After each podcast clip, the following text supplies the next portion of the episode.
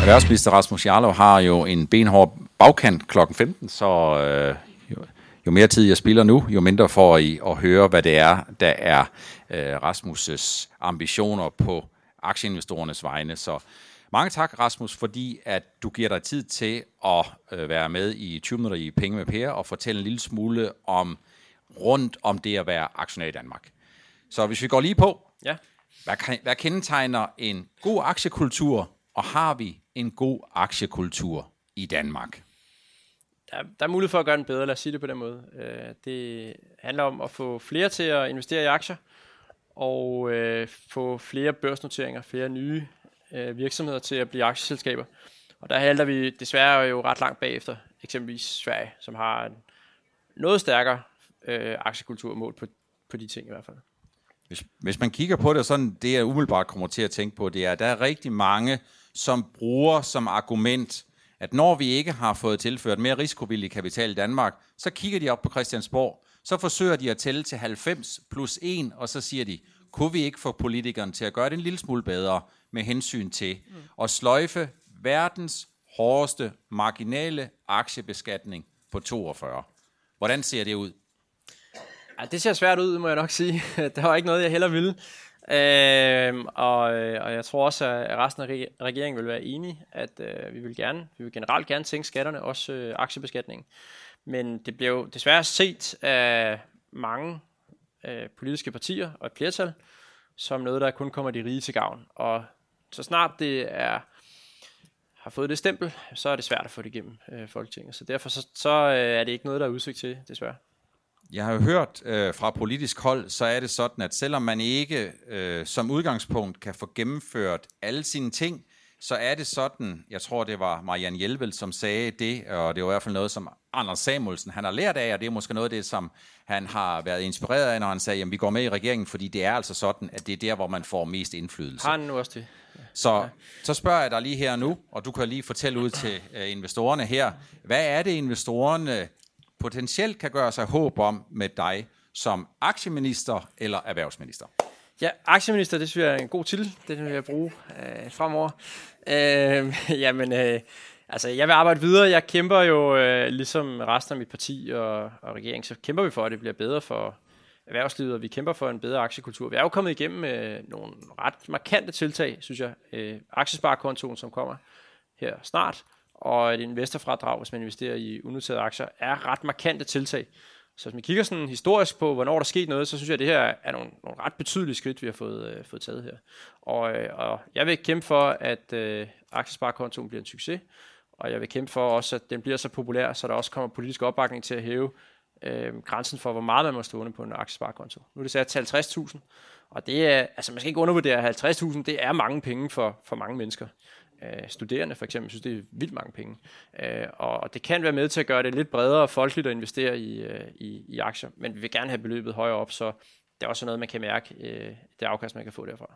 Det jeg hører på dig, Rasmus, er det, at de 50.000, det er måske snarere er en udbetaling, end det er slutmålet. For hvis jeg husker tilbage på din forgænger, Brian Mikkelsen, jamen så strålede han om kap med solen, dengang han sagde, at vi starter på en halv million, og så må vi arbejde os op derfra. Jeg sagde han virkelig det? Okay, det var ambitiøst. Det kan godt være, at jeg sidst jeg, jeg har Ja, lagt okay. lidt til, men altså... Okay. Nå, jamen, Brian har sagt mange, mange ting. Øhm, og og de, de, næsten alle sammen er jeg jo enige i, og jeg vil også gerne have det højere op. Øhm, men øh, men, men øh, halv million, det var ambitiøst, vil jeg sige. Altså, i, altså ikke, det er jo ikke sådan, sådan fagligt set, er det jo ikke sådan helt på månen, at man skulle have en, en grænse på en halv million, men politisk set, så er det svært, desværre. Altså, der er det der flertal, som, som øh, er meget påpasselig med, at hvis der er noget, der kommer øh, nogen til gavn, som, som øh, har flere penge end gennemsnittet i Danmark, så, så er de modstandere det. Vi hører mange gange, at i hvert fald nogle politikere bruger argumentet, at danskere har 7, 8, 900 milliarder kroner stående på kontoen, som bliver uforrentet, og det er dem, som man rigtig, rigtig gerne vil have til at blive forvandlet til risikovillig kapital. Ja, præcis. spørger jeg dig, Præcis. hvor stor en del af de der 7, 8, 900 milliarder kroner, som står til en 0 eller endda negativ rente, tror du regulært set er aktiepenge, som kan komme virksomhederne, staten, arbejdspladserne og investorerne til gode? Det tør jeg ikke sætte tal på. Det tror jeg, der skulle laves en, en nærmere analyse af, en lige giver et eller andet mavefornemmelse. Så det tør jeg ikke sige, men, men, men vi kan se, når vi kigger på Sverige, at der er mulighed for at få flere penge investeret i aktier og få en meget større interesse i det. Så der er store beløb at hente, det er der ingen tvivl om. Over Øresund og til Sverige, hvordan kan vi i Danmark blive sådan en nation af aktiemedejere. For når det er sådan, at vi i Danmark snakker om investorer, så har det sådan lidt en negativ klang. Investorer, det kan, det kan godt betyde nogen, der har sparet mere op end gennemsnittet. Du har selv været inde på det et par gange. Mm. Hvis der er nogen, der har mere end gennemsnittet, jamen så må det være et skatteobjekt. Der må være noget, der skal beskattes. Øh, og det er sådan øh, jo ikke det helt rigtige sted at starte, hvis man kigger ud fra en investorsynspunkt. Så hvordan kan vi lære noget af Sverige, lære noget af de ting, som de har været gode til, at blive en nation af medejere, i stedet for at blive betragtet som nogle, hvad skal man sige, spekulanter? Jamen, Sverige er altid rigtig godt at kigge på, fordi det er jo et land, som vi har meget til fælles med, og et land, hvor man heller ikke, altså man kan ikke seriøst gå ud og påstå, at øh, for eksempel, at man ikke har et velfærdssystem i Sverige. Øh, og derfor er det rigtig godt at kigge derover og sige, at når de kan lave nogle ting og have succes med det inden for deres samfundsmodel, så må vi også kunne gøre det i Danmark. Og, der synes jeg, altså, den her aktiesparekonto er jo direkte kopi af den svenske model. Så vi har jo lavet os inspirere på det punkt. Altså, når det, når det handler om økonomisk politik, så må jeg jo sige, at øh, jeg synes, at Sverige har i de sidste årtier her ført en, en meget, meget god politik øh, generelt, som har også skaffet dem øh, ret god vækst øh, derovre. Så altså, de har gjort mange ting rigtigt. Øh, der er ting på andre områder, det har gjort fuldstændig forkert, men, men når det handler om økonomisk politik, så har de faktisk gjort rigtig mange ting rigtigt derovre. Men hvis man kigger på, hvad skal man sige, det politiske establishment, så øh, er Sverige det blevet kaldt verdens mest socialdemokratiske land. Uh, og hvordan kan det egentlig være, at man at lavere beskatning og et mere erhvervsvenligt klima i forhold til det at skabe arbejdspladser og skabe medejerskab glider meget, meget nemmere ned i Sverige, end det egentlig gør i Danmark. Det kan vel ikke alene forklares ved, at man ikke har fået oversat janteloven til svensk? Nej, øh, jamen, det jeg har hørt fra svensker, det er, at de siger, jamen det har taget noget tid at få momentum på den her aktiedagsorden. Men det handler netop om at få det gjort bredt og folkeligt, fordi så er der flere mennesker, der, der bakker op om, at man tager flere initiativer til gavn for aktionærerne. Og, og altså, det, det kan man jo også regne ud, at hvis der var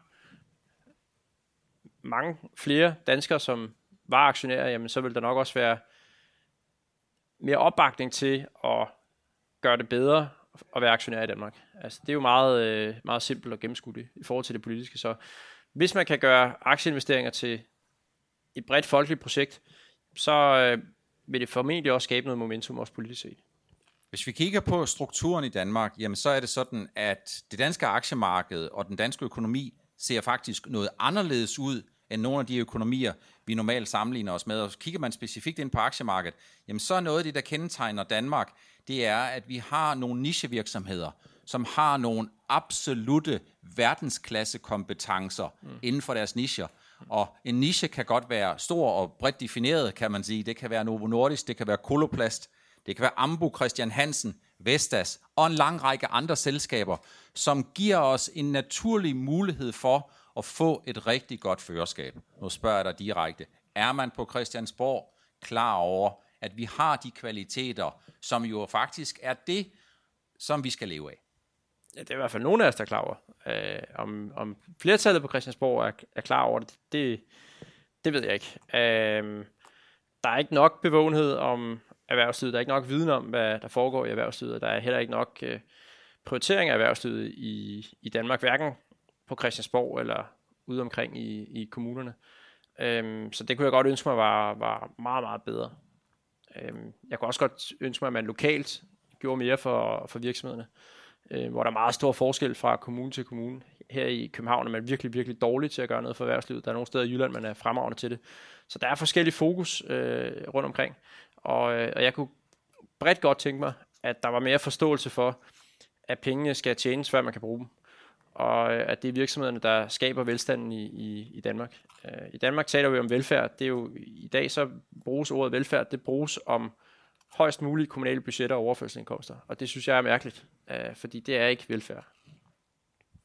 Så hvordan kommer vi så fra, at vi har de her selskaber, som er rigtig, rigtig gode, de er rigtig dygtige, de er rigtig innovative, og sikre os, at vi får flere af dem, og sikre os en bredere accept af, at uden de her virksomheder, så har vi faktisk ikke noget at leve af. Altså, er det ikke sådan, at du skal til, sammen med dine kolleger på højrefløjen, skal til at omfavne dem på venstrefløjen og overbevise dem og overtale dem med nogle tal, som klart beskriver, hvordan sammenhængende de er?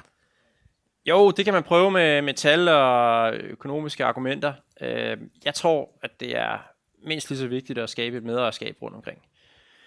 Øhm, jeg underviser faktisk i finansiering inde på, på Handelshøjskolen i København, øh, CBS.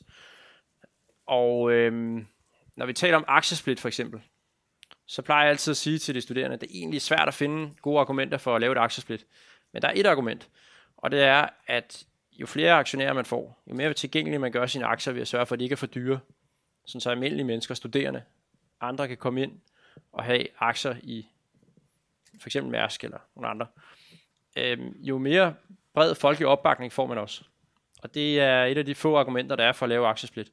Og på samme måde, så tror jeg også på, at det at få spredt øh, ejerskab af aktier ud bredt i befolkningen, for eksempel med en aktiesparekonto, det vil være med til og skabe mere opbakning til den dagsorden. At vi skal ønske, at det går godt for vores virksomheder. Vi skal give gode vilkår til dem, fordi det er sådan, vi bliver et rigt land. Det er den eneste måde, vi bliver et rigt land på. Men er det ikke virkelig, i, i virkeligheden rigtig mærkeligt, at danskerne faktisk indirekte er store investorer og medinvestorer via, pension, via pensionsordninger, og på den måde burde have både et super godt kendskab til aktiemarkedet og en god forståelse for, at hvis virksomhederne de skaber vækst, så skaber det arbejdspladser, det skaber skatteindtægter, det skaber det, alle de muligheder, man har nogle steder fra at dele nogle af de penge ud, som jo. der er nogen, der tager for givet. Så jo. burde vi ikke allerede af den vej være kommet længere med hensyn til fornemmelsen for jo. og vigtigheden af, at de børsnoterede selskaber og andre selskaber, de har gode vilkår. Jo, men det tror jeg da også er det, der holder socialismen for døren uh, i et eller andet omfang, at, at uh, de fleste, jeg ved, ikke, jeg ved ikke, om det er de fleste, men, men, men jeg tror, de fleste jo grundlæggende har en forståelse for, at pengene kommer fra, at vi har et godt erhvervsliv. Det tror jeg godt, folk sådan dybt nede ved, at det er der, at øh, velstanden bliver skabt, og at man for eksempel også selv har en interesse i, at man får et godt afkast på sin pensionsopsparing. Øh, det er da helt sikkert med til at skabe en, øh, en større forståelse for virksomheders vilkår. Hvis man oplever virksomheder som noget, der slet ikke har noget med en selv at gøre, og som bare er nogen, der kører deres eget liv, og, ikke, og deres velbefindende ikke påvirker øh, ens egen situation, så er det selvfølgelig klart, så er det svært at skaffe opbakning til gode vilkår for erhvervslivet. Så det her med gennem markedet og gøre aktieinvesteringer til et bredt folkeligt demokratisk projekt, øh, det er faktisk en god dagsorden, fordi det kan sikre opbakning til, at vi har en mere positiv øh, erhvervspolitik i, i Danmark. Kunne man forestille sig, at vi i tillæg til de her mange gode fag, der allerede er i folkeskolen, øh, at man der skulle have noget, der hedder erhvervsøkonomi og investeringsøkonomi, eller virksomhedsøkonomi, eller et eller andet, som kunne mm. fungere mm. fuldstændig på lige fod med en række af de andre gode fag, ja. og nogle af de kvaliteter, man tilegner sig? Ja, det er en idé, der har været op mange gange, som jeg også selv øh, er meget positiv overfor. Øh, det er vel også lidt det, forældre gør, når de giver lommepenge til deres børn, som så er det for at lære dem værdien af penge øh, i høj grad øh, og, og med til at, at skabe den der sunde forståelse for, øh, hvad penge er værd, og man skal arbejde for dem, og de ikke kommer af sig selv. Øh, det, det tror jeg er rigtig, rigtig sundt, jeg vil ønske, at alle også fik mulighed for at prøve at, at have øh, deres egen virksomhed på et tidspunkt, om det så er en saftvandsbrud, eller det, hvad det nu er, det er lige meget, men at man bare fik prøvet at have det ansvar, og, og se, øh, hvordan det er at have en virksomhed. Det ville være godt for, for mange at, at få oplevet det. Øhm, om det skal være i folkeskolen, men jeg synes selv, det er en god idé. Øh, vi skal også være klar over, at hver gang der er nogen, der får en god idé, jeg synes et eller andet emne i samfundet skal tages op, jamen, så er det standardløsning. Vi skal undervise i det i folkeskolen, og jeg tror, man er lidt træt af det i folkeskolen, når man synes, at man skal undervise i alt muligt, øh, som folk får idé om. Men, men en større økonomisk forståelse, det vil være til gavn. Jamen, så bare skal man bare lige sørge for, at lærerne også kan finde ud af at undervise i det, kan man sige. Ikke? Altså, øh, har vi folkeskolelærer, som selv har den store økonomiske forståelse, så, så de kan give det videre, det ved jeg ikke. Øhm, det er ikke sikkert, man har det i alle klasseværelser rundt omkring i Danmark, vil jeg sige. Og jeg håber i hvert fald også, at forældrene vil tage ansvaret på sig og, og bringe det videre til deres børn. Det vil måske være endnu mere effektivt. Altså, nu ved jeg jo godt, at politik, det hedder også på moderne dansk, det hedder kunsten at kunne tælle til 90 plus 1. Men hvis vi prøver at kigge og gå en lille smule tilbage til aktiebeskatningen, så er den jo for de første cirka 50.000 27 procent, og så stiger den over 50.000 og lidt over 100.000, hvis det er sådan, man er gift, så stiger den til 42 procent. Vi har nogenlunde to gange OECD gennemsnit. Vi kan kigge på Sverige, hvor man har øh, en helt anden beskatning. Mm. Øh, dine egne ambitioner, jeg ved godt, det handler stadigvæk om at kunne tælle til 90 plus 1, så jeg beder dig ikke om at, uh, et, spe- et specifikt et tal, men det her, det må I kunne gøre lidt bedre. Nej, det kan vi ikke, så længe der er et flertal, som ikke vil det. Så er det så simpelt. Altså, desværre. Øh, det, øh, det, der skal være flertal for det, og øh, som sagt, jeg kan ikke huske, hvornår vi sidst har prøvet, men jeg ved 100% sikkert, at hvis vi tog det op, for eksempel i et finanslovsudspil, så ville det bare blive helt ned ad brættet. Øhm, så det, jeg tror, at man skal forstå, at øh, sådan store samfundsændringer starter med, at man har en debat om tingene, og skaber folkelig forståelse for det, og så kommer de politiske beslutninger bagefter.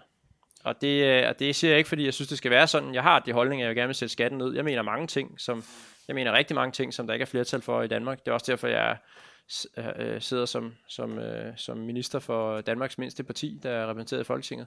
At vi mener mange ting hos konservative, som der ikke er opbakning til. Men, men hvis man kigger på det sådan bredt og siger, hvad kommer der til at være opbakning til, hvad kommer der til at være flertal for i Folketinget, jamen så er der jo i grove træk primært flertal for de ting, som danskerne går ind for. Og det vil sige, at man starter med at skulle have en bred offentlig debat, overbevise befolkningen, og så følger de store partier efter bagefter, og så kommer der flertal for tingene. Så man skal ikke forestille sig, at det lige pludselig dumper ned fra himlen, og så træffer vi lige pludselig, så foreslår vi lige pludselig, at vi skal sænke aktiebeskatningen, og så lige pludselig er der flertal for det, uden at der inden da har været en meget stor debat og bevågenhed om det, så at et flertal inden for Folketinget kan indse nødvendigheden af det. det. Det er nødt til at komme først, desværre. Det starter som regel med, at hvem det går ud over, hvis det er sådan, at man skal sænke skatterne, det er jo så altid det, der er problematisk, eller hvem der får noget mere ud af det end nogen andre. Så hvis du skal ja. prøve at sige det, kommer lavere aktiebeskatning, kommer det før lavere selskabsbeskatning? Øh, det ved jeg som ikke, om det gør. Altså, jeg tror, at, at, at det er ret vigtigt for os, at vi følger med i forhold til selskabsbeskatningen, som jo faktisk ikke er så høj i Danmark i forhold til andre lande, når man sammenligner. Øh, men det er meget vigtigt, at den heller ikke kommer til at være det, fordi det er øh, utrolig afgørende for, at øh, danske virksomheder har lyst til at tjene penge i Danmark. Det er utrolig afgørende også for, øh, hvor man placerer sit overskud, øh, hvor man placerer sine aktiviteter henne, at vi har en lav øh, selskabsbeskatning.